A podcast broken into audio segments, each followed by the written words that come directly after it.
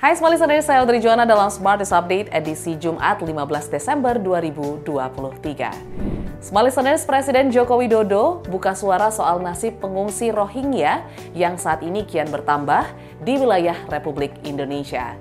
Jokowi mengatakan pemerintah akan menampung sementara pengungsi Rohingya.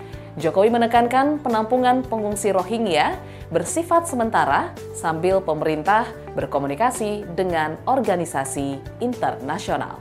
Berita selanjutnya, Pusat Pelaporan dan Analisis Transaksi Keuangan menemukan data peningkatan transaksi mencurigakan terkait pemilihan umum 2024, di mana Kepala PPATK Ivan Yustia Fananda menyebutkan peningkatan transaksi mencurigakan itu mencapai lebih dari 100 persen Menurut Ivan sendiri, transaksi mencurigakan diduga terkait rekening khusus dana kampanye.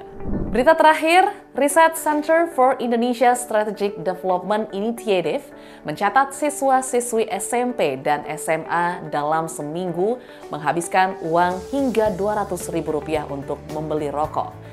Angka konsumsi rokok pada remaja di Indonesia pun terbilang sangat tinggi. Riset juga menunjukkan bahwa remaja tergoda untuk membeli rokok terus-menerus karena rokok batangan dijual, dipromosikan secara masif, dan tersedia di sekitar. Sekian berita hari ini, sampai jumpa dalam Spartus Update berikutnya.